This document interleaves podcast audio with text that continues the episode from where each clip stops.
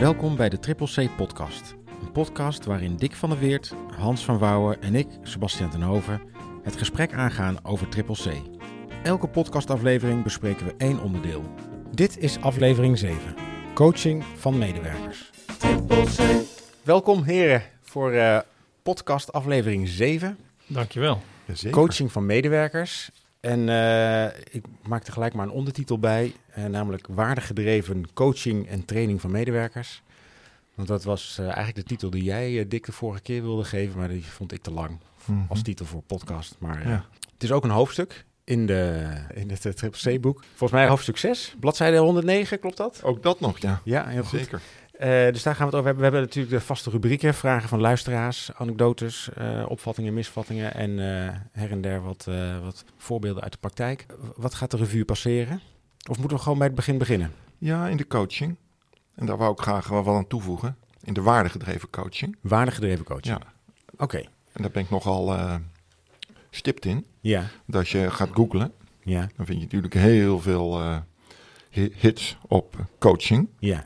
Maar wij willen het hebben over die waardegedreven coaching. Dus wat heeft nou een medewerker nodig, of wie dan ook, of teamleider, om eh, de relatie met de cliënten te laten slagen.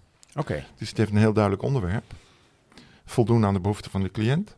Of voldoen aan de behoeften van de medewerker. Of voldoen aan de behoeften van een team. Oké. Voldoen aan de behoeften van een cliënt, van een medewerker of het team. Zeker. Daar draait het om. En dat maakt dat En die behoefte van die medewerker en die behoefte van dat team, dat is dan gekoppeld aan die behoefte van de cliënt. Zeker. Staat er niet los van. Nee. Daarom eh, noemen we het ook eh, coaching op het, op het begeleiden van cliënten, zeg maar. Zeker. Het is geen persoonlijke coaching voor je Ah. eigen ontwikkeling. Nee, het, is, eh, het is coaching voor je eigen ontwikkeling in het begeleiden van cliënten. Zeker. ja, ja, ja. Dus in, in ons boek staat ook dat de vraag van de cliënt is leidend voor de coachingsvraag van de medewerker. Aha.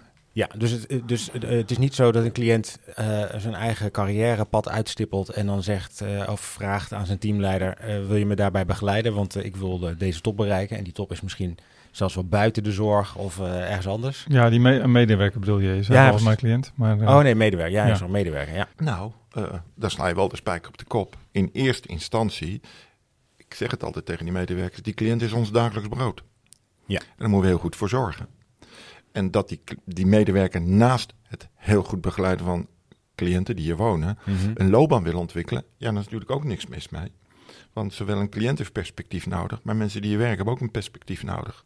Dus het is een en-en verhaal. We gaan er wel vanuit dat dat perspectief dan gaat over de begeleiding in, de, in onze zorg. Ja. Als dat een heel ander soort perspectief is, moet iemand dat misschien in zijn vrije tijd eh, najagen. Ja, ja. Maar Ja. goed, als iemand hier binnenkomt als, als ondersteunend begeleider, Mhm. Nou, die kan eh, persoonlijk begeleider worden. Ja, Die kan, als hij daar de capaciteiten voor heeft, teamleider worden. ja. Je kunt doorgroeien naar teamleider, sectormanager. Of je kunt doorgroeien naar coach. Het is maar Ja. net dat. Mhm. Maar dat is eigenlijk die persoonlijke loopbaan. Ons boek focust zich op eh, de relatie cliënt. Ja. Nou, en wat heb je daar nou voor nodig? Oké. Nou, wat heb je daarvoor nodig? Nou, wat heb je daarvoor nodig? Ja, een aantal competenties. Zeker. Oké.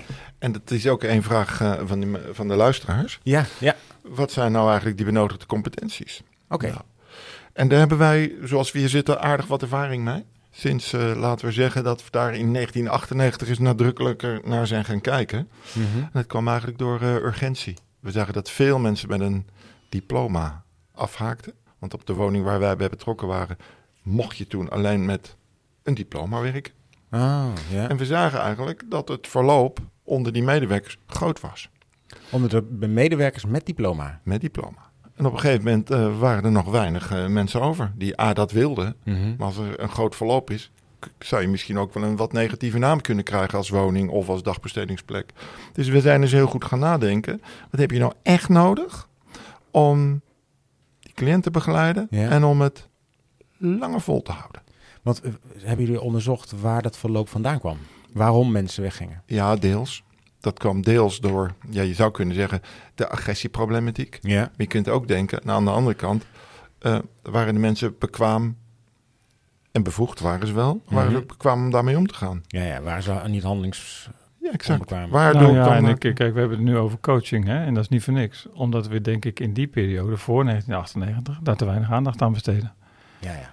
Mensen, er was veel verlopen en de mensen gingen weer weg. Omdat we ook onvoldoende tijd en, en, en ruimte namen om mensen de, ja, zich te laten verdiepen in de problematiek en in hun eigen eh, competenties en vaardigheden. En, eh, Ja, dus, dus daar hebben we meer tijd voor ingeruimd, ook, ook letterlijk. ja, Dus eh, bij wijze van spreken, als je normaal gesproken even in FTE's, hè, fulltime eenheden, als je Ja. spreekt, als je, als je zegt, we hadden normaal gesproken acht mensen nodig om, die, om dat team te kunnen draaien, hebben we er op een gegeven moment negen en een half eh, van gemaakt, anderhalve FTE meer. ja.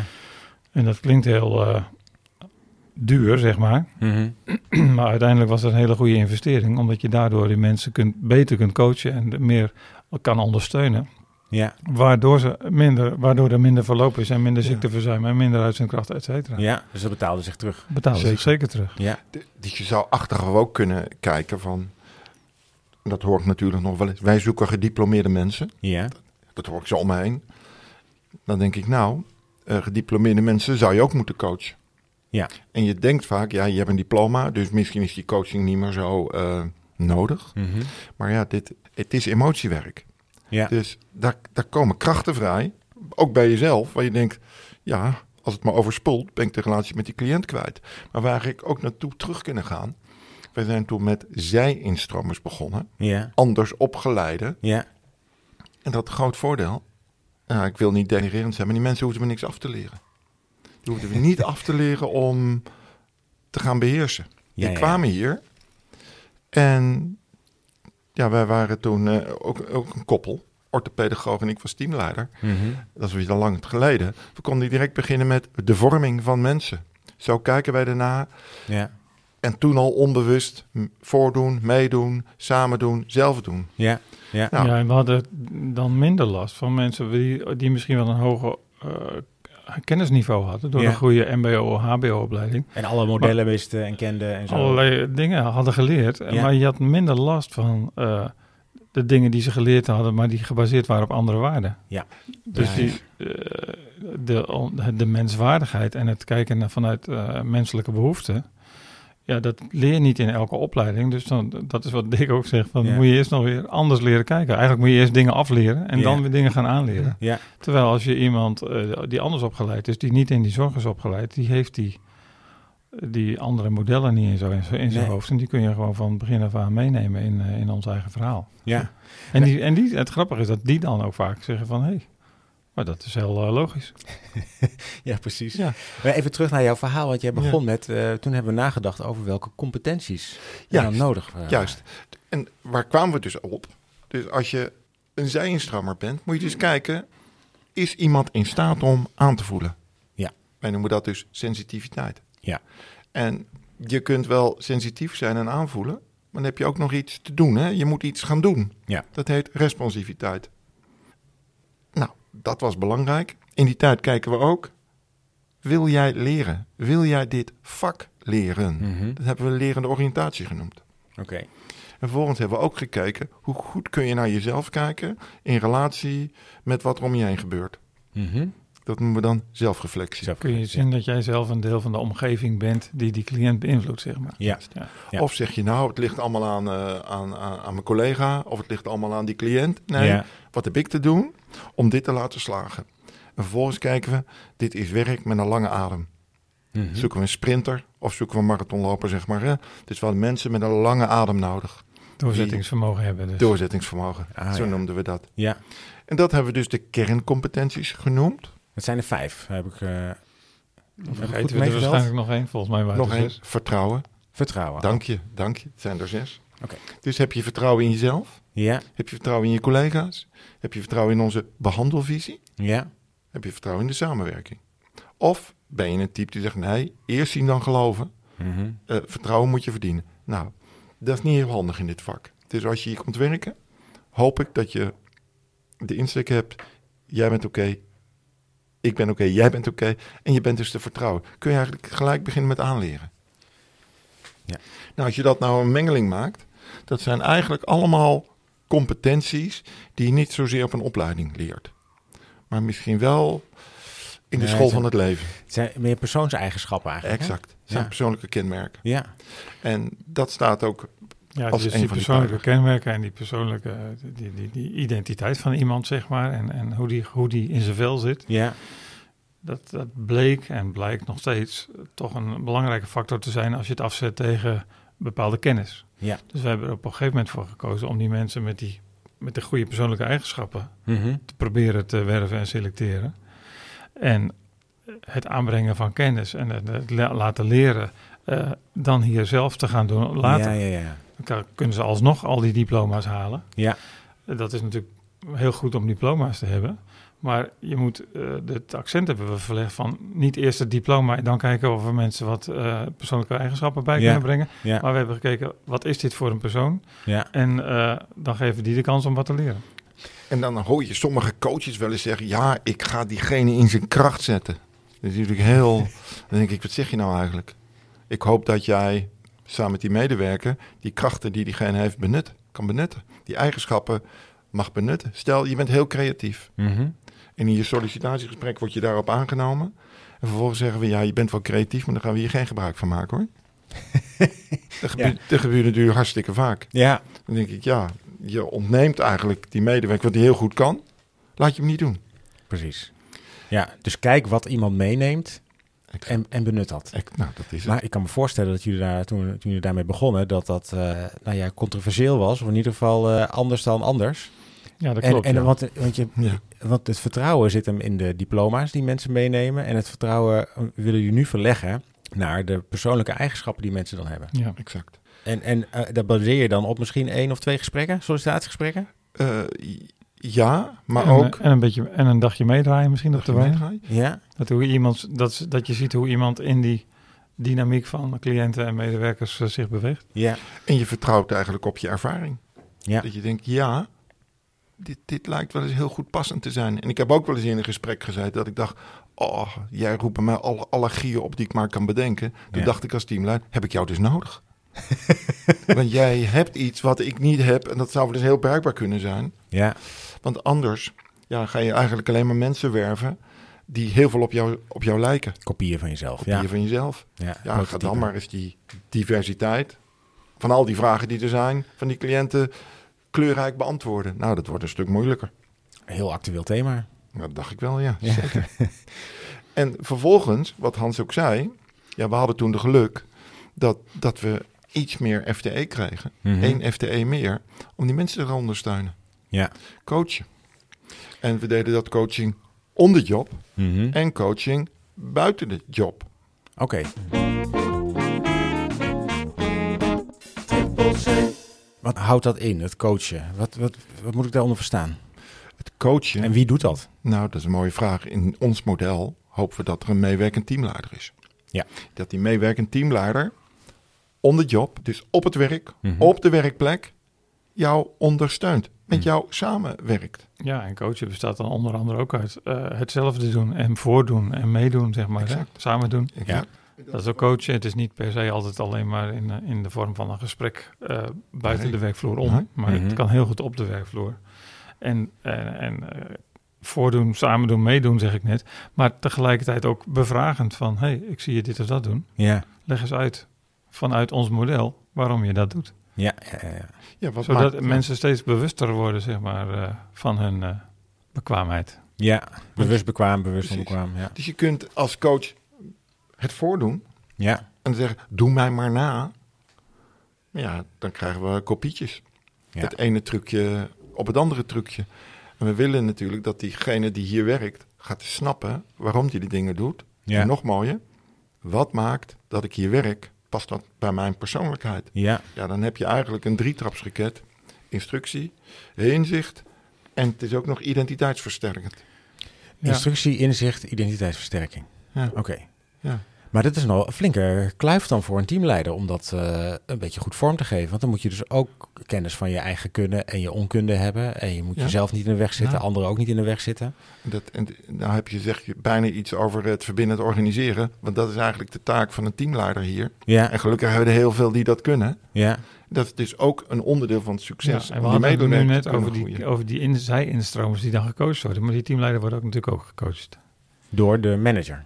Door de manager, door de orthopedagoog, door eh, door, eh, door eh, het gesprek met elkaar, multidisciplinair, Ja. over wat vinden we hier belangrijk. Ja, en dus... En hoe geven we dat vorm? Zeker. En dat die teamleider op die manier gecoacht is. Mhm. Misschien wel als ondersteunend begeleider of als PB'er zo gecoacht is. Of als teamleider heeft hij die hele cyclus meegemaakt. Ja, En nou zit die teamleider op die positie van die teamleider. En dan wordt hij zo ondersteund door die manager. En Ja. bij ASVZ zien we natuurlijk heel vaak. Die manager is misschien ook zijnstromer geweest. Dus die heeft het hele proces meegemaakt. Van ondersteunend begeleider, PB'er, teamleider, manager. ja, Dus eigenlijk is het voorleven. En dan ga je weer naleven. En dan ga je weer voorleven. ja. Zo moet je het eigenlijk zien. Oké, heel goed. Je vroeg net van, was dat niet controversieel in die tijd? Ja. Dat je af van die diploma's afstapte? Nou, dat was het natuurlijk wel. Ja, Want toen hadden we nog de tijd van de A-verpleegkunde en de B-verpleegkunde en de Z-verpleegkunde. En hier waren het Z-verpleegkundigen en, en, en enkele B-verpleegkundigen en een hele enkele A-verpleegkundigen. die het zegt mij niks, die eh Nee? termen. Maar, Oh, nee. oh, dan ben jij nog een stuk jonger dan ik, eh, Sebastian. Ja, ik kan het je wel... eh, 30 jaar geleden, nog meer, of, meer, of 25 jaar geleden. Op een gegeven moment is dat veranderd. Maar vroeger ging je eh, naar een ziekenhuis en werd je verpleegkundige. Ja, En in een ziekenhuis heette dat dan de A-verpleegkundige. oké. Ging je naar de psychiatrie, dan heette dat de B-verpleegkundige. Mhm. En ging je naar de zwakzinnige zorg, zoals het toen heette, dan was je Z-verpleegkundige. Oké. Maar goed, waren allemaal verpleegkundigen. Ja, En eh, om van dat hele systeem, zeg maar, en van dat hele, wat toen 99 van de 100 mensen waren dus verpleegkundigen of leerlingverpleegkundigen. ja, Eh, om daarvan af te stappen, dat was natuurlijk cont- controversieel. En daar hebben we ook flink in moeten eh, werk voor moeten verrichten voordat onze directeur, die toen ook verpleegkundige was, Ah. een van de directeuren, ja, voordat hij daarin mee kon gaan, zeg maar. En het grappige is dat je, ja, toen was het heel controversieel, nu, nu al lang niet meer. En eh, je boort natuurlijk ook een veel groter aantal mensen aan. Als Mhm. je zegt van nou, we kijken niet alleen naar verpleegkundigen, nee. maar we kijken naar eh, allerlei mensen met een, eh, nou ja, bij wijze van spreken, die functionerend op MBO, HBO-niveau, Ja, maar zonder dat ze per se een zorgopleiding hebben. precies. Dus je bent veel breder en met de huidige arbeidsmarkt is dat alleen maar eh, een voordeel. Een voordeel, ja, zeker. Ja, We hadden dus ook het voordeel dat we de ruimte kregen om eh, ondersteuningspakketten te maken voor die medewerkers. oké. Eén dag in de week zaten we met mensen, video's bekijken. Ja, Wat zie je? Dus we, ja, natuurlijk gingen ze op het topje van de ijsberg iets zeggen. Maar wij zoeken, wat zie je nou echt? Ja, oh, misschien wel onmacht. En ik dacht in die tijd, dit gaan wij gewoon redden. Want ik was docent verpleegkunde ja, op hier op de Z-opleiding geweest. oké. Dus met mijn verpleegkundige achtergrond, die ik natuurlijk ook moest laten kantelen. Ja, En wat over is gebleven is methodisch werken. ja, ja, ja, ja. En eh, zijn we die pakketten gaan maken. Ja, En is eigenlijk die coaching is zeg maar helemaal ingevlochten mhm. als een heel organisch iets. En mensen gingen er ook naar uitkijken. Oh, wanneer hebben we weer een dag? Dus dat werd leuk. En uiteindelijk kreeg je een soort wachtlijst dat mensen daar wilden werken. Je kreeg een soort magneet. Dus eerst hadden we een grote schaarste. Moesten de mensen uit allerlei landen komen. Dat doen we nu ook wel. Gediplomeerde mensen uit andere landen om hier te werken. ja, Werd het nog heel goed. ja, En opeens hadden we een andere, hadden we een andere bron aangeboord. ja, En voordat we dat met elkaar, het Hans zegt het ook, voor hadden ja, doorgrond mhm. en dat PNO meeging, ja, ja, waren we een paar stappen verder. ja, ja, ja. Want we namen wel een risico. Hè? Want? Eh, in die tijd gold bevoegd, Mhm. was eigenlijk maar bekwaam. Ja, nu dat- zeiden we, Als je natuurlijk, als er dingen misgaan, hè, want zo wordt er Zo. natuurlijk ook heel vaak gekeken, dan Ja, kan je, als je een diploma hebt en je hebt gedaan wat je volgens je diploma allemaal moet doen en je bent daarop eh, aanspreekbaar, ja, dan kan je zeggen, ja, dat is heel vervelend dat het gebeurd is, maar we konden er niks aan doen. Maar Nee, als op het moment dat je dat als organisatie zegt, ja, maar we hebben dus in de volksmond ongediplomeerde mensen Ja. in dienst, dan ben je natuurlijk, eh, moet, je het beter, moet je meer verantwoording afleggen. ja dus dat, dat betekent dat, eh, dat, dat de bestuurder eigenlijk zijn hoofd op het hakblok durfde te leggen. Want die is dan feitelijk dan Ja, ook dus hoofdelijk de aansprakelijk voor dat... eh, vertrouwen, zeg maar, hè, in Ja. ons in dat geval. Ja, ja, zeker. ja, ja, precies. En na verloop van tijd, na twee, drie jaar, zag je, hé, hey, de mensen bleven. Ja, En wij zaten in die tijd nog wel eens van, eh, hoe, hoe zwaar is dit? mhm. Dus er iemand tegen ons zwaar, het is hartstikke leuk werk. dus we werden zelf even wakker geschud van, wij typeren die, die, die, die begeleiding als heel intensief als zwaar. ja, En die mensen het zo eigen gemaakt, die werkt daar met plezier. Soms acht, negen, tien jaar. Ja, En daarmee had je eigenlijk hier een ineffectief patroon doorbroken. ja dus we- die zijn van, van de situatie afgekomen waarin er veel verloop was Ja. van hooggediplomeerde eh, personeel. Zijn jullie eigenlijk omgegaan naar eh, niet, gediplomeerd, niet per se gediplomeerd personeel met de juiste persoonseigenschappen die lang blijven en zelfs een wachtlijst voor mensen En die, die komen geko- bij. wel goed gecoacht worden en getraind worden. En Ja, uiteindelijk ook die diploma's halen. Dus zeg maar, Oh ja, ja, niet, niet, geen diploma, anders opgeleid. Ja. Ja. Zo moet je het eigenlijk zien, hè? En eh, ik heb mijn rijbewijs. Dat heb ik eh, op 18-jarige leeftijd gehaald. En ik eh, hoef dat nooit meer eh, opnieuw te doen. Hè. Hoe is dat eh, in dit geval? Want hoe, hoe, hoe, hoe vaak train je nou? Wie, wie- over wie heb je het? Wie trainen begeleiders? Ja. Nou, ik denk dat de begeleiders elke dag trainen. Of tenminste, als, zolang Ja. ze, als ze 36 uur per week werken, trainen ze 36 uur per week. Het gebeurt gewoon elke dag. Elke Als jij, zegt, jij hebt je rijbewijs en als jij 30 jaar niet rijdt, dan eh, denk ik dat iedereen een beetje zenuwachtig wordt als je weer in de auto stapt. Ja. Maar jij rijdt gewoon eh, elke week of elke dag misschien. Ja. Eh, en dan onderhoud je die vaardigheden. Ja. En dat doe je natuurlijk als begeleiders ook. En coachen bij ons, in onze beleving, is dat permanent. Ja. We gaan uit van permanente eh, training en coaching. Zeker, zeker. Eh, dat wil zeggen, ja, je bent ook transparant naar elkaar wat je doet en, en wa- waarom je dingen doet. En je kunt elkaar bevragen daarop. Mhm. Eh, dus je bent eigenlijk voortdurend bezig om zo bewust mogelijk de dingen te doen die je aan het doen bent. Ja. Ja, zeker. En je bent dus competent in deze context waar je dus werkt. Ja. Stel, iemand die hier gewerkt heeft, gaat naar een andere organisatie. Mhm. Die wordt misschien wel geconfronteerd met een andere uitwerking van waarde. Ja. Nou, dat kan zijn dat diegene met twee linkerhanden staat. Want je had het over, eh, stel je hebt 30 jaar je rijbewijs. Ja. Nou, ik heb al heel lang mijn rijbewijs. Ik ben heel goed gewend om in Nederland te rijden. Maar dan was ik onlangs in Schotland.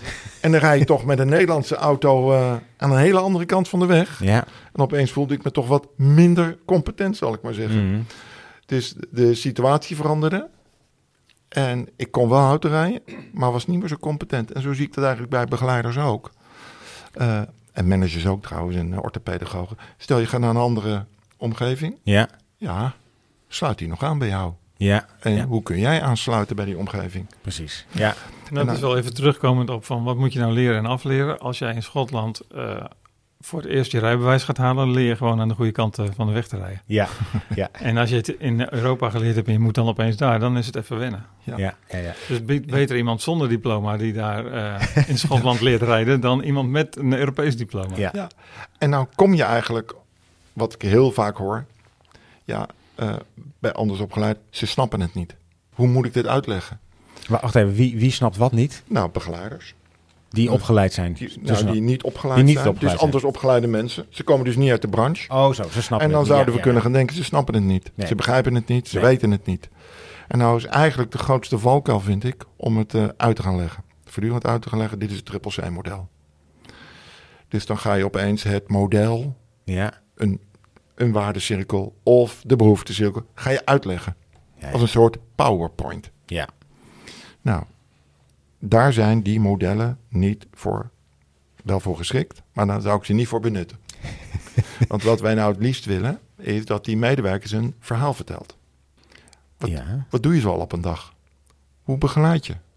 Waarom denk jij dat het lukt? Het praktisch maken eigenlijk. Praktisch maken. Ja. En wij, nou ja, Ja, nog verder niet eens praktisch maken. Het gewoon de praktijk, eh, de praktijk is de de praktijk. praktijk laten zien. De, Ja. de praktijk Ja. vertellen, zeg maar. Dus die medewerker vooral zijn verhaal laten vertellen en kijken waar kan ik op aanhaken Mhm. En hoe zou ik dit praktijkverhaal kunnen benutten, zodat die medewerker zegt: hey, ik zie daar een plaat van die behoefte liggen.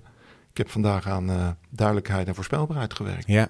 Dan maak je het zo kenbaar. Ja, ja, ja, ja. Ja. Dus wij proberen voortdurend die praktijk te koppelen aan die modellen. Ja. Leer te pakken en dan te onderbouwen wat daar gebeurt. eh, te laten zien van, hé, hey, je bent dus met gehechtheid bezig. Of je bent met, bezig met het vervullen van die behoeften. Ja. Of je bent bezig met de betekenisvolle daginvulling. Om op die manier dat te laten indalen, zeg maar. Ja. Dat mensen het eh, bewust worden van, oh, nou, dus daar ben ik mee bezig. Ja, ja, ja. Net Ja. zo goed als de eerste keer, ik heb het misschien al in een van de vorige afleveringen gezegd, maar dat er ooit iemand aan mij vroeg, eh, ja, jullie doen heel succesvolle dingen hier, maar wat doe je Mhm. nou precies? Dat is Ja. 1994. En toen wist ik daar geen antwoord op. Eh, ja, we doen maar wat, dacht ik. dus eh, ik was eh, onbewust bekwaam, zeg maar. Ja, En het gaat er natuurlijk om, om dat te beseffen van, ja, maar wat zijn nou eigenlijk de werkzame factoren? ja, En wat werkt er nou wel en wat werkt er minder goed? En dat, daar zijn die modellen van ons erg handig bij. Zeker. Als mensen gewoon de praktijk bij de kop pakken en dan zo'n model ja. kijken van, eh, waar ben ik nu eigenlijk mee bezig? Oh, ik ben bezig eh, het topje van de ijsberg te proberen kleiner te maken. Nou, Ja. misschien moet je dat dan niet doen. en eh, oh, ik Ja. ben bezig gehechtheid te bevorderen. Mhm. Hartstikke goed. Nou, dan Ja. moet je dat vooral wel doen. Ja, ja, ja, ja. Ik wil ehm, eh, zo ingaan op emotie, want dat heb je net even Mhm. genoemd, maar volgens mij is het ook een, eh, een belangrijk onderdeel. Maar misschien, eh, je had net al iets over een misvatting, maar voor de rubriek opvattingen en misvattingen, Mhm. er zijn vast nog wel andere opvattingen op misvattingen die, hm? wat je wijst. Ja, op jouw telefoontje stond nog wat. Op mijn telefoon stond nog wat. Appjes, Oh, ja. met appjes van iemand die wat misvattingen naar voren bracht. Ja, heel goed. En zal ik eens even voor. eh, Oh ja, maar die heb je eigenlijk net gezegd. We werken met niet hoog opgeleide mensen. Het zijn maar. Oh ja, maar daar hebben we het eigenlijk net over gehad. Ja. Ja. Ja. Nou ja, je kunt wel zeggen, ze zijn maar. Daar zit, daar zit een gedachtegang achter. Dus wanneer je niet hoog opgeleid bent, dat je het niet zou kunnen. Mhm. Nou, dat, dat- Ja, ze zijn maar anders geschoold. Maar goed, we hebben net geprobeerd uit te leggen dat dat helemaal niet van belang is. nee. Nee. Precies. als je er vanuit een andere bril naar kijkt. Dus Ja. als je er vanuit een bril naar kijkt van... ga nou eens benutten wat we al hebben. Dat Ja. is eigenlijk het hele model. Ook bij cliënten. Aansluiten bij wat er al is. En die competenties waar je, die zes competenties waar je het eh, eh, net Zeker. over had. Als mensen die wel hebben, die zijn dan van, van enorm belang en van waarde voor, eh, v- v- nou, voor het begeleiden en Exact. de competentie Ja, opbouwen. exact. Want stel je nou voor, ik heb een diploma gehaald... en ik heb te weinig zelfvertrouwen. Ja. Nou, ik, ik zie het je niet gauw doen hier op een woning. Nee. Dus je zoekt mensen eigenlijk, die komen al binnen met enige zelfverzekerdheid. En blijken dan een eh, prachtige, mooie, zachte binnenkant te hebben. Ja. Kijk je aan en heb je een gesprek mee. En eh, ja, dan denk je, dit is het gewoon. Ja. De manier waarop iemand je een hand geeft, hoe die over zaken vertelt. Mhm. denk ja, die, die heb je nodig. Ja. Nou, Dan gaan we nog even proberen erachter te komen of hij ook zelfreflectie heeft. dus het vraagt van de meewerkende teamleider, een manager, een orthopedagoog. Versta, versta je de kunst van het vragen stellen? Mhm. Dat je durft te vragen, wat maakt dat? Of hoe zie jij dat? Ja. En zo kom je er dus achter wat diegene dus misschien nodig heeft of waar je aan te vullen hebt. Dat is eigenlijk het proces wat al die begeleiders elke dag doen. Ja. Dus sensitief, wat heb jij nodig? Dus stel je voor, ik ga ervan uit, Sebastian, jij weet het niet, Mhm. dan ga ik het uitleggen. Ja. Het kan ook in de onderstroom van mijn boodschap zijn, jij snapt het niet en je bent niet oké. Ja, ja. Nou, Dat doet wat met je zelfvertrouwen. dat doet wat Ja. met je zelfvertrouwen, zeker. Ja. En eh, komen we dan nu ook op de emoties? Jazeker. Kan het je wel vertellen, eh, sensitiviteit en responsiviteit en vertrouwen. Ja. Kijk, niet iedereen heeft dat boek voor zich, zoals Hans en ik dat voor ons hebben. Mhm. Dat zijn eh, oranje competenties. Ja. En oranje competenties symboliseert in ons boek, dat zijn eigenlijk de emotionele competenties. Oké. Mhm. En wat heeft dat nou in relatie met eh, ons werk te maken? Nou, veel mensen die hier werken, die, ja, laat maar zeggen, die doen het vanuit hun hart. Ja. Die doen het vanuit een emotie. Mhm. Maar goed, als de omstandigheden wat minder voorspelbaar worden, Ja. kunnen die emoties opspelen. En we willen natuurlijk dat ondanks dat die emoties opspelen, dat je toch die rust van binnen houdt. Dat je toch dat contact kan blijven leggen, dat je niet gaat vervormen.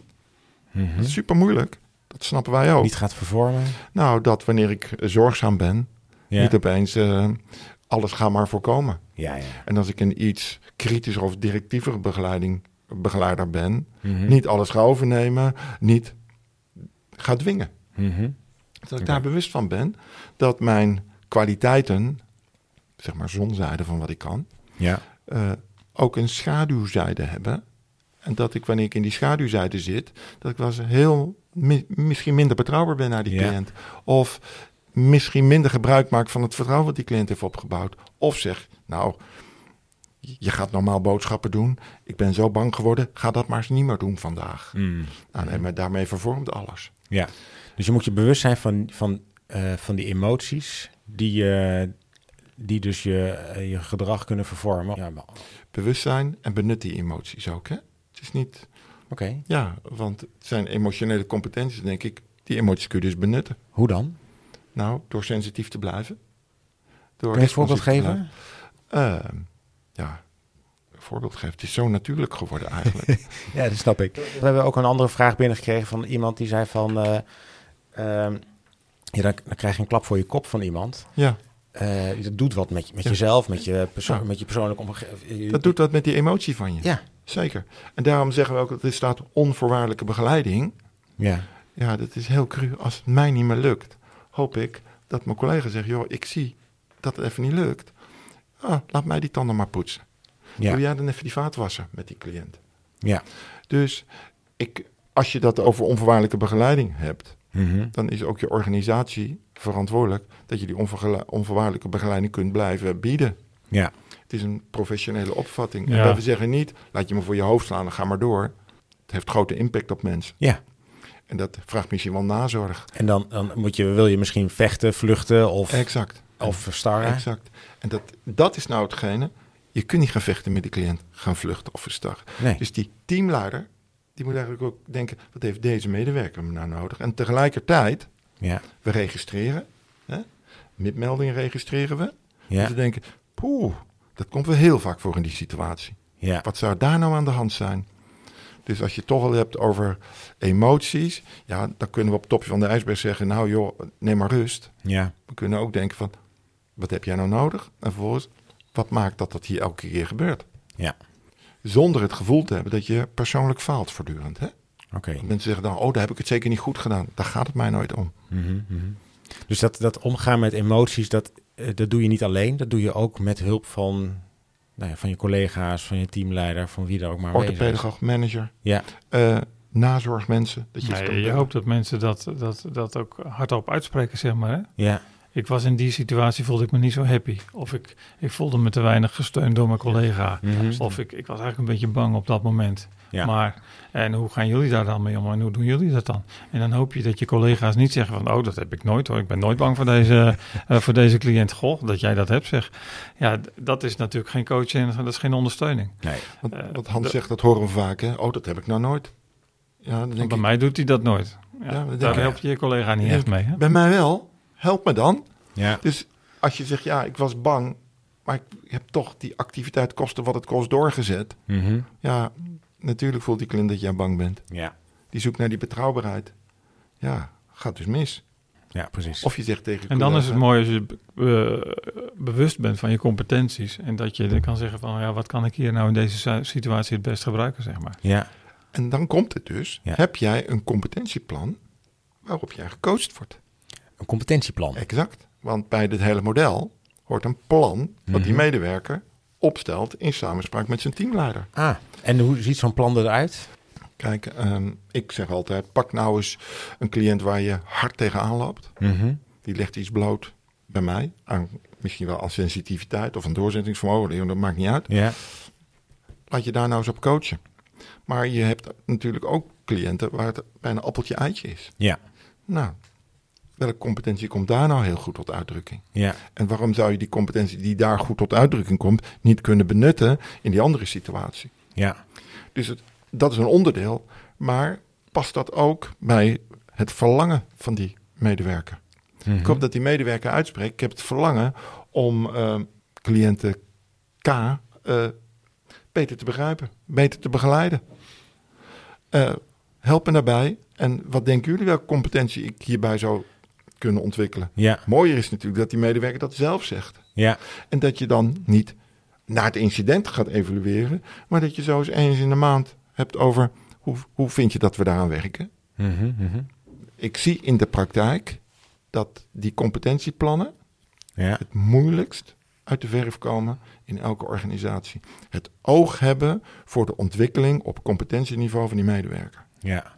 Want hoe moet ik me dat praktisch voorstellen? Het is een, eh, een, een, een plan, een, een blaadje met daarop die zes competentiegebieden. En dan. Ja, het is eigenlijk een soort, eh, soort vragenlijst, zou je kunnen zeggen. hè, Van met, met, met niet zes kerncompetenties, maar twaalf competenties in totaal. Oké. En je, en je geeft jezelf eigenlijk per competentie, er staan omschrijvingen bij, Ja. Want Dick noemde sensitiviteit, responsiviteit, doorzettingsvermogen. Maar daar staan beschrijvingen bij hoe, hoe je dat dan in de praktijk ziet. Ja. Nou, daar geef je jezelf eigenlijk een score op. Eh 1, 2, 3, hè? Of, of, Ja. of, of groen, Hmm. oranje, rood, dat maakt niet uit. Maar nee, eh, dit, eh, dit doe ik al best wel goed. En daar heb ik nog wel wat eh, aan te werken. En het grappige is, dat, dat doe je voor jezelf. Dat kan je leidinggevende ook doen over jou. Mhm. En eh, dat gaat niet over goed of fout, maar dat gaat over ja, hoe beoordeel je dat nou zo? En dat gaat eigenlijk over het gesprek. En eh, eh, onder water dan- eigenlijk bewustwording van Ja. eh, waar sta ik? Dan, En, dan, dan, dan scoor ik op mijn eh, vragenlijstje van ik heb heel veel, eh, heel veel eh, doorzettingsvermogen. En dan heb- bespreek ik dat met mijn leidinggever. En die zegt, nou, daar heb ik nog nooit wat van gemerkt. Bij wijze van spreken. Maar Ja. Het gaat om het gesprek. ja, Dat ja, je er zeker. vervolgens over hebt. En daarom hebben we ook in. Het is een boekje ja. Voor een medewerker het eerste jaar die zes kerncompetenties. Mhm. Voor een oog hebben voor, om jou te begeleiden. Ja, Hans zegt 1, 2, 3 is hier vasthouden. ja. Trots op, lukt mij. Mhm. En onder elke omstandigheden. Je hebt iets te versterken. Dat kan zijn, het neemt af wanneer de spanning toeneemt. En ontwikkelen. Oh, ik wist niet eens dat ik het nodig had. Of ik weet dat ik het nodig heb, maar het neemt heel erg af wanneer de spanning en stress toeneemt. ja. Hey, je- je zei zes en jij zei net twaalf. die zes kerncompetenties, waarvan wij denken, die heb je minimaal nodig om door te kunnen groeien, in te kunnen groeien naar die andere zes, zeg maar. hè. Ja, dus een set van totaal twaalf. Oké, oké. Ja, en je zou kunnen zeggen, ehm, het gaat in, in de beginnen om die emotionele competenties. Mhm. Om die mentale competenties, zelfreflectie, wil jij leren. En de wat meer rodere competentie, zal ik maar zeggen, doorzettingsvermogen. Haak ik niet direct af. Oké. Als je dus die, die bezit, Mhm. denken wij, dan kun je steeds meer in die groenere competenties, cliëntgerichtheid, betekenis geven, creativiteit. Ja, Dus zo doen we dat heel langzamerhand elke keer inbouwen. En dan zie je ook, je kan die medewerker gefaseerd begeleiden, gefaseerd coachen. Want Ja. je hoeft niet gelijk alles te kunnen. nee, Dat kan ook niet. nee, Maar nee. je gaat wel steeds meer zien als je ook meer doet. Hè? Dus als je meer gaat doen, ja, dan heb je misschien wel meer nodig. Oké. Ja. Ik ga even een brugje maken naar onze volgende rubriek, Mhm, namelijk anekdotes. En we hebben het nu over dat competentiemodel. mhm. Hebben jullie daar een, een voorbeeld uit de praktijk van? Ja, ik, ik, ja, ik weet het nog heel goed dat we een, eh, een meneer op een woning kregen. Ik was toen zelf teamleider. Ik moest die man coachen. En er zat geen lijn in te krijgen. Van de hak op de tak. Het was een eh, marinier. Mhm. Dus ik, ik vroeg ook aan hem, als je nou het veld in gaat, zomaar. Ga je dan zomaar dat veld in? Nee, natuurlijk niet.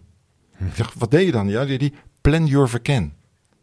Plan your verken, ja, dus ik moet eerst verkennen hoe ik, de dag, hoe ik het veld in zou gaan. Ik zeg, als je dit nou naar hier zou vertalen. Ik zeg, ja, dan hebben we een dagprogramma. Ik zeg, maar kijk je wel eens op dat dagprogramma? Nee, ik kijk niet op het dagprogramma. ik zeg, nou, als je het hebt over plan your verken, dan is plan your verken jouw dagprogramma. En je zag die man eh, zitten en zegt, ja, nou, er zit wat in, joh. Dus elke keer als hij maar weer van de hak op de tak sprong, zei ik in de dienst, plan your verken. Nou ja, het was een soort codewoord. Ja. En wat hij begreep. En je zag hem eigenlijk eh, verzachten. En je zag hem methodischer worden. Als ik hem tegen hem had gezegd, nou, doe de plan, do, check, act cyclus, had hij gezegd, ben je gek geworden, joh. Waar heb je het over? Ja. Maar toen zei plan your verken, nou, dat snapte hij. Dus ik denk ook, ja, misschien kun je vanuit de taal van de mens wat naar die vaktaal gaan, hè? Ja. Zo, eerst Nou ja, maar dus aansluiten bij de, aansluiten. bij de persoon. Ja. Ja. Hartstikke mooi. We gaan gelijk door met de volgende rubriek. Of, eh, of zijn er nog andere onderdelen die je eh, van, van het coachen, het verbindend coachen of eh, wat waardegedreven coachen nog wil benoemen? Nou, het, is, het gaat natuurlijk heel eh, over, het gaat over coachen, maar coachen is natuurlijk een, een, eh, ook een onderdeel van leidinggeven, zeg maar. Hè?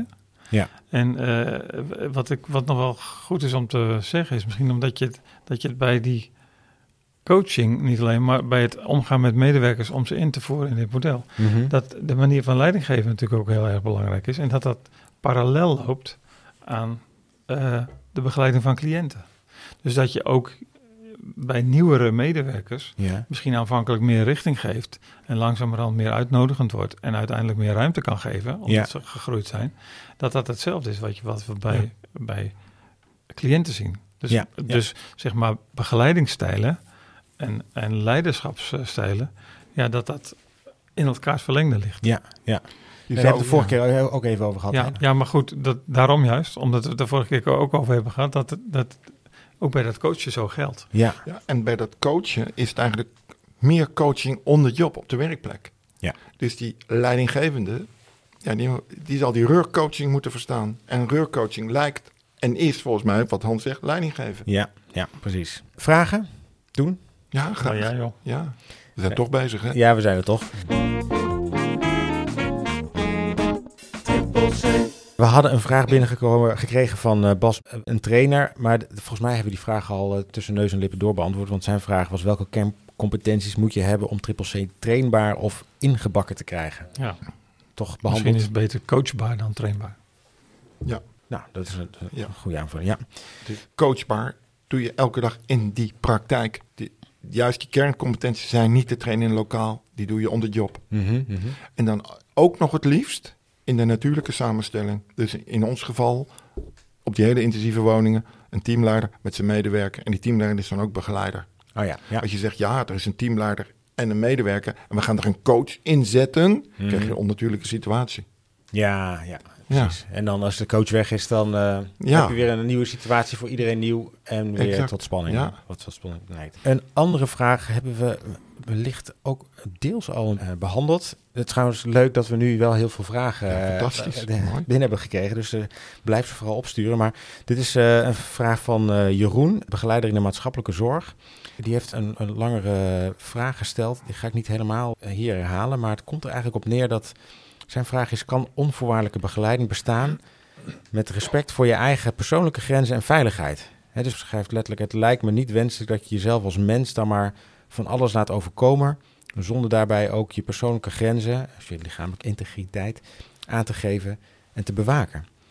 Daarin kan onvoorwaardelijke begeleiding toch niet bestaan. Hoe kijken jullie daar tegen? Nou ja, we hebben natuurlijk te maken met, met cliënten in allerlei settings overigens. In de psychiatrie, in de gehandicaptenzorg, in de, in de, in de jeugdzorg, noem maar op. Ja. Met cliënten eh, die soms gevaarlijk gedrag vertonen. Ja. En, en, en, en lastig om mee om te gaan. Eh, en toch, het begint bij de vaststelling dat ze begeleiding nodig hebben. Ja, Eh, dat is één. Ze hebben begeleiding nodig. We hebben met z'n allen bedacht, deze persoon die kan niet zelfstandig functioneren, die moet begeleid worden. Mhm. Op het moment dat je dat vaststelt, dan ja, als die dan gevaarlijk gedrag vertoont of, of lastig te begeleiden gedrag voor jouw eh, gevoel, dan, of in dit geval agressie in het voorbeeld van deze eh vragensteller, eh, ja, dan, dan loop je dat risico dat je daar een keer slachtoffer van bent. Dat is heel vervelend. ja, Ehm, maar dat betekent niet dat die cliënt vervolgens geen begeleiding meer nodig heeft. Nee. Dus in, in die zin bedoelen we dat met onvoorwaardelijk. En als jij op dat moment dat even niet kan opbrengen, dan is dat heel begrijpelijk en logisch. ja, Eh, maar dan kan je colle- collega het hopelijk overnemen. Ja. Dus, dus als zorgorganisatie en liefst ook als team, Mhm. maar als je in een team werkt, eh, blijf je wel die begeleiding bieden die die cliënt nodig heeft. ja, Eh, deze Jeroen zegt: Het lijkt me niet wenselijk dat je jezelf van alles nog wat laat overkomen. En eh, je persoonlijke grenzen eh, moet je toch ook kunnen aangeven. Ja. Ja, zeker. Ja. Je moet vooral je niet van alles nog wat laten overkomen. En je moet zeker je, je grenzen aangeven en bewaken. Eh, wij vinden het ook helemaal niet prettig of goed of. of Normaal. Dat je, of normaal dat je, dat je aangevallen wordt of geknepen of geslagen of wat dan ook wordt. Mhm. Ehm, maar wat daarin heel erg belangrijk is, het is natuurlijk grens aangeven, maar dat we die grenzen vooral vooraf aangeven. ja, We gaan proberen door middel van een, hebben, hebben we ons weer met ons dagprogramma, maar door middel van een dagprogramma, door middel van betekenisvolle daginvulling, ja, gaan we eh, die cliënt met andere dingen bezig laten zijn dan die agressie, zeg maar. ja. En dan kan je in een veel vroeger stadium kan je vaak al bijsturen. Eh, we hebben dat voorbeeld gegeven van een klap voor je kop krijgen. Eh, maar je, je stuurt al veel eerder bij als er iemand niet meer bezig is met, waar, met waarmee hij eigenlijk bezig zou Ja. moeten zijn. Ja. Als hij stopt met, eh, met het afdrogen tijdens de afwas, ja, kan je al zeggen van hé, hey, je bent het afdrogen, pak, de- pak dat kopje er nog eens even bij. Of ja, in plaats van te wachten tot die tien minuten later jou misschien een klap voor zijn kop geeft. ja. Voor je kop geeft. Ja, ik het gaat ook over, Zeker. niet alleen over die onvoorwaardelijke begeleiding, natuurlijk. Dat is een hele belangrijke poot. Maar het gaat ook tegelijkertijd over die betekenisvolle daginvulling. Ja. Zodat je die risico's ook minder maakt. Ja, en ik ga heel mee eens. Want die onvoorwaardelijke begeleiding, nou, laten we het vorm noemen. Dus zijn er voorwaarden aanwezig voor Jeroen om zijn werk te kunnen doen? Ja. Dat betekent niet dat ik die voorwaarden ga stellen aan die cliënt. Want wat Hans zegt, die mens, die woont daar met een bepaalde indicatie. Ja. Dus dan denk ik, heb het met je team, heb het met je organisatie erover. Ja, zijn de voorwaarden toereikend om die onvoorwaardelijke begeleiding op deze manier te doen? Ja, ja, ja. ja. Dus we zitten in de voorwaarden, het zit hem in het dagprogramma, het zit in het vooraf aangeven. En wat de heb jij als begeleider vooraf. eh, nodig om die onvoorwaardelijke begeleiding te kunnen blijven bieden? Ja. En de link met eh, waar we het vandaag over hebben, eh, coaching van medewerkers, zitten we daar ook in. Dat, we hebben het over de emotie gehad. Hè. Dat Ja. doet wat met je als zoiets zeker. gebeurt. Zeker. Dus eh, wees er dan voor elkaar als team. Dus je mag hopen dat je op. daar niet alleen voor staat. En dat niet, eh, dat niet je, al je collega's ook, die ook in hun eentje werken, al die- datzelfde ervaren zonder het eh, daar met elkaar Ja. over te hebben. Ja, En dat je bevraagd wordt op wat doet het met je? Ja. En welke oplossingen zou jij zien? ja, ja, heel goed. We hebben nog een vraag eh, die we zouden Oh. kunnen behandelen. Ja, Ja. dus er zijn en masse binnengekomen. Ehm, Mieke, ik weet niet waar ze vandaan komt of welke organisatie ze werkt, maar eh, het is de ouderenzorg in ieder geval. Die schrijft triple C is uiteraard toepasbaar in de ouderenzorg.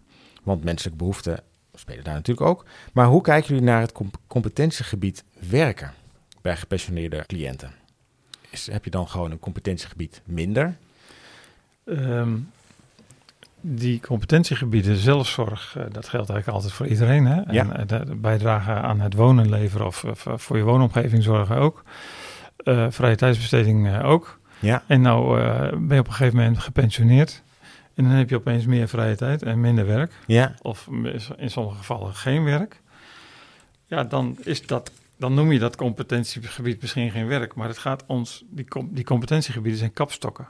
Ja. Kapstokken voor een betekenisvolle daginvulling. En als je met pensioen gaat en je hebt geen werk meer, dan heb je wel nog steeds behoefte aan betekenisvolle daginvulling. ja, Dus die, die inkleuring van die daginvulling wordt dan mogelijk anders. ja, Eh, en, en, en in sommige gevallen noem je het geen werk, of noem je het vrijwilligerswerk, of, of, eh, of je noemt het een hobby, of, of, eh, of, Mhm. of een sport, sportieve activiteit, of wat ja, dan ook. ja, Maar het gaat ons vooral om die betekenisvolheid. ja, Er zijn een heleboel mensen die, die de AOW-leeftijd bereiken, die zeggen ik wil nog blijven werken voor een aantal dagen in de week. Ja. Of ik blijf fulltime doorwerken. Eh, er zijn vrouwen van 115 in Japan die nog steeds eh, kersenbomen plukken enzovoort. En dat schijnt eh, heel gezond te zijn. ja. Eh, Dus, dus, er iedereen is, naar Japan? dus er is ook niks mis met doorwerken. Maar stel dat je niet werkt, nou, dan zoek je dus op een andere manier eh, daginvulling. Precies. Die betekenisvol is. Betekenisvol, ja. Ging de vraag specifiek over ouderen met pensioen of ging het over de ouderenzorg? Eh, dit is ouderenzorg. Aha, Ja, over gepensioneerde cliënten. Gepensioneerde cliënten. aha. Zeker. Ja. Dat zie je vaak in de ouderenzorg, hè? Dat iemand gepensioneerd is. ja, Ja, zeker. En dat zorg komt vaak voor. Ja, komt zeker, vaak voor. zeker. Dus ik ben het volledig met Hans eens. Ik, heb, het- ik zal maar zeggen, sorry, ik ben ervaringsdeskundige. Ja, en ik zag dat mijn vader, eh, Ja. ja, altijd hard gewerkt. Altijd in de weer. Ja, dat viel weg. Mhm. kwam in een ja, prachtig, prachtig verzorgingshuis, verpleeghuis. Ja, Waar aandacht was voor al die invulling. ja, Samen koffie drinken in de hal, sjoelen, de bingo-middag. ja, Ja, dan ga ik niet tegen mijn vader zeggen: joh, luister eens, eh, ik ben dik in jouw zoon. Ik wil wel dat je gaat werken. Nou, A, ik denk niet dat hij het had geaccepteerd. Maar dat huis zorgde voor een betekenisvolle daginvulling. ja, Keurig aangekondigd in de nieuwsbrief, ja, in de weekbrief. Mensen wisten precies eh, waar ze aan toe waren. Bloemschikken ergens op de postbank. Nou, ik had er altijd, kon er altijd van genieten. ja, Zijn kameraad mocht mee. Dus het huis had oog voor de activiteit en dat sociale netwerk. Ik ja, dacht, nou, zo kun je wel oud worden. ja, ja, precies. Dus dat werken is maar een term, of nou, een term, eh, is, is een, een vorm van een betekenisvolle daginvulling. Juist. Exact. Ja. Nou, zo moet je het zien. Zo eh, is het samengevat. Hartstikke goed. Heren, wij zijn al een lange tijd op dreef. Zeker. Ik denk dat we naar richting een afronding moeten en mogen. Zijn er nog eh, punten van het coach? Is alles benoemd? Ja, ik denk dat alles benoemd is. Dick die noemde op een gegeven moment nog eventjes van... laat die coaching nou op die werkvloer en on the job plaatsvinden. En Ja. kijk uit dat je niet te veel eh, coaches van buitenaf toevoegt aan die werkvloer, waardoor het een onnatuurlijke situatie wordt. Ja. Dat, dat klopt natuurlijk helemaal. Ik zie, maar ik, ik hoor of ik zie ook in andere organisaties dat het vaak wel juist gebeurt. Mhm. Eh, dat er dus eh, ja, coaches min of meer standaard aan een woning verbonden zijn, ja. die, eh, die de mensen die daar werken moeten coachen. Dat maakt het net als een, een, een teamleider die niet meewerkt, Mhm. maakt het wat ja, minder, ik zou haast zeggen, gezaghebbend. ja, ja. Als je zelf dat werk ook doet, heb je meer gezag om iets te kunnen zeggen ja, over hoe het zou kunnen. ja. Invloed Eh, op je eigen werk. Juist. Zeker. En, en, en dat is voor een, iemand die van buitenaf eh, coacht. Kijk, een coach eh, die aan de zijlijn staat, zoals, zoals een voetbaltrainer, zeg maar, die staat aan de zijlijn, Ja, die kan toch moeilijker op dat moment tijdens de wedstrijd moeilijker coachen dan die aanvoerder die meespeelt. Ja. En we hebben liever aanvoerders dan coaches aan de zijlijn. nou, mooie toevoeging. Wijze woorden ter afsluiting van deze podcast. Heel hè? goed. Dan eh, komen we bij de terugkerende vraag. Wat, waar gaan we het de volgende keer over hebben? Want Goeie vraag. eh, volgens mij hebben we alle hoofdstukken van het boek gehad. Zeker. Volgens mij zijn we rond wat, wat het model betreft, toch? Ja, zeker. Eh, en met wat betreft de grondleggers van het model. Maar we zijn natuurlijk eh, niet meer alleen met z'n twee. Er zijn tegenwoordig vele mensen die met het model werken. Ja. En wij dachten dat het wel eens mooi zou zijn om de mensen die ermee werken eh, hun verhaal te laten doen. Aha, leuk. Dus we krijgen gasten. We krijgen gasten. Zeker, Hartstikke goed. dat dacht ik. En dan beginnen we met welke gasten? Nou, laten we zeggen de driehoek. De driehoek. De teamleider, de orthopedagoog en de manager hier aan En de tafel. manager. Oké, dus wij gaan op zoek binnen ACZ naar een, eh, Ja. een driehoek die we aan wil sluiten. Ja, die, die, die, die kunnen laten horen in hun verhaal eh, of het klopt wat wij hebben gezegd. En hoe dat echt in Ja. de praktijk nou is. Ja. Ja. hartstikke leuk. En dan daarna doen we dan, kunnen we bestuur doen. Bestuurder. En waar het hier allemaal om draait in dit mooie bedrijf. De mensen die hier wonen. Ja, cliënten.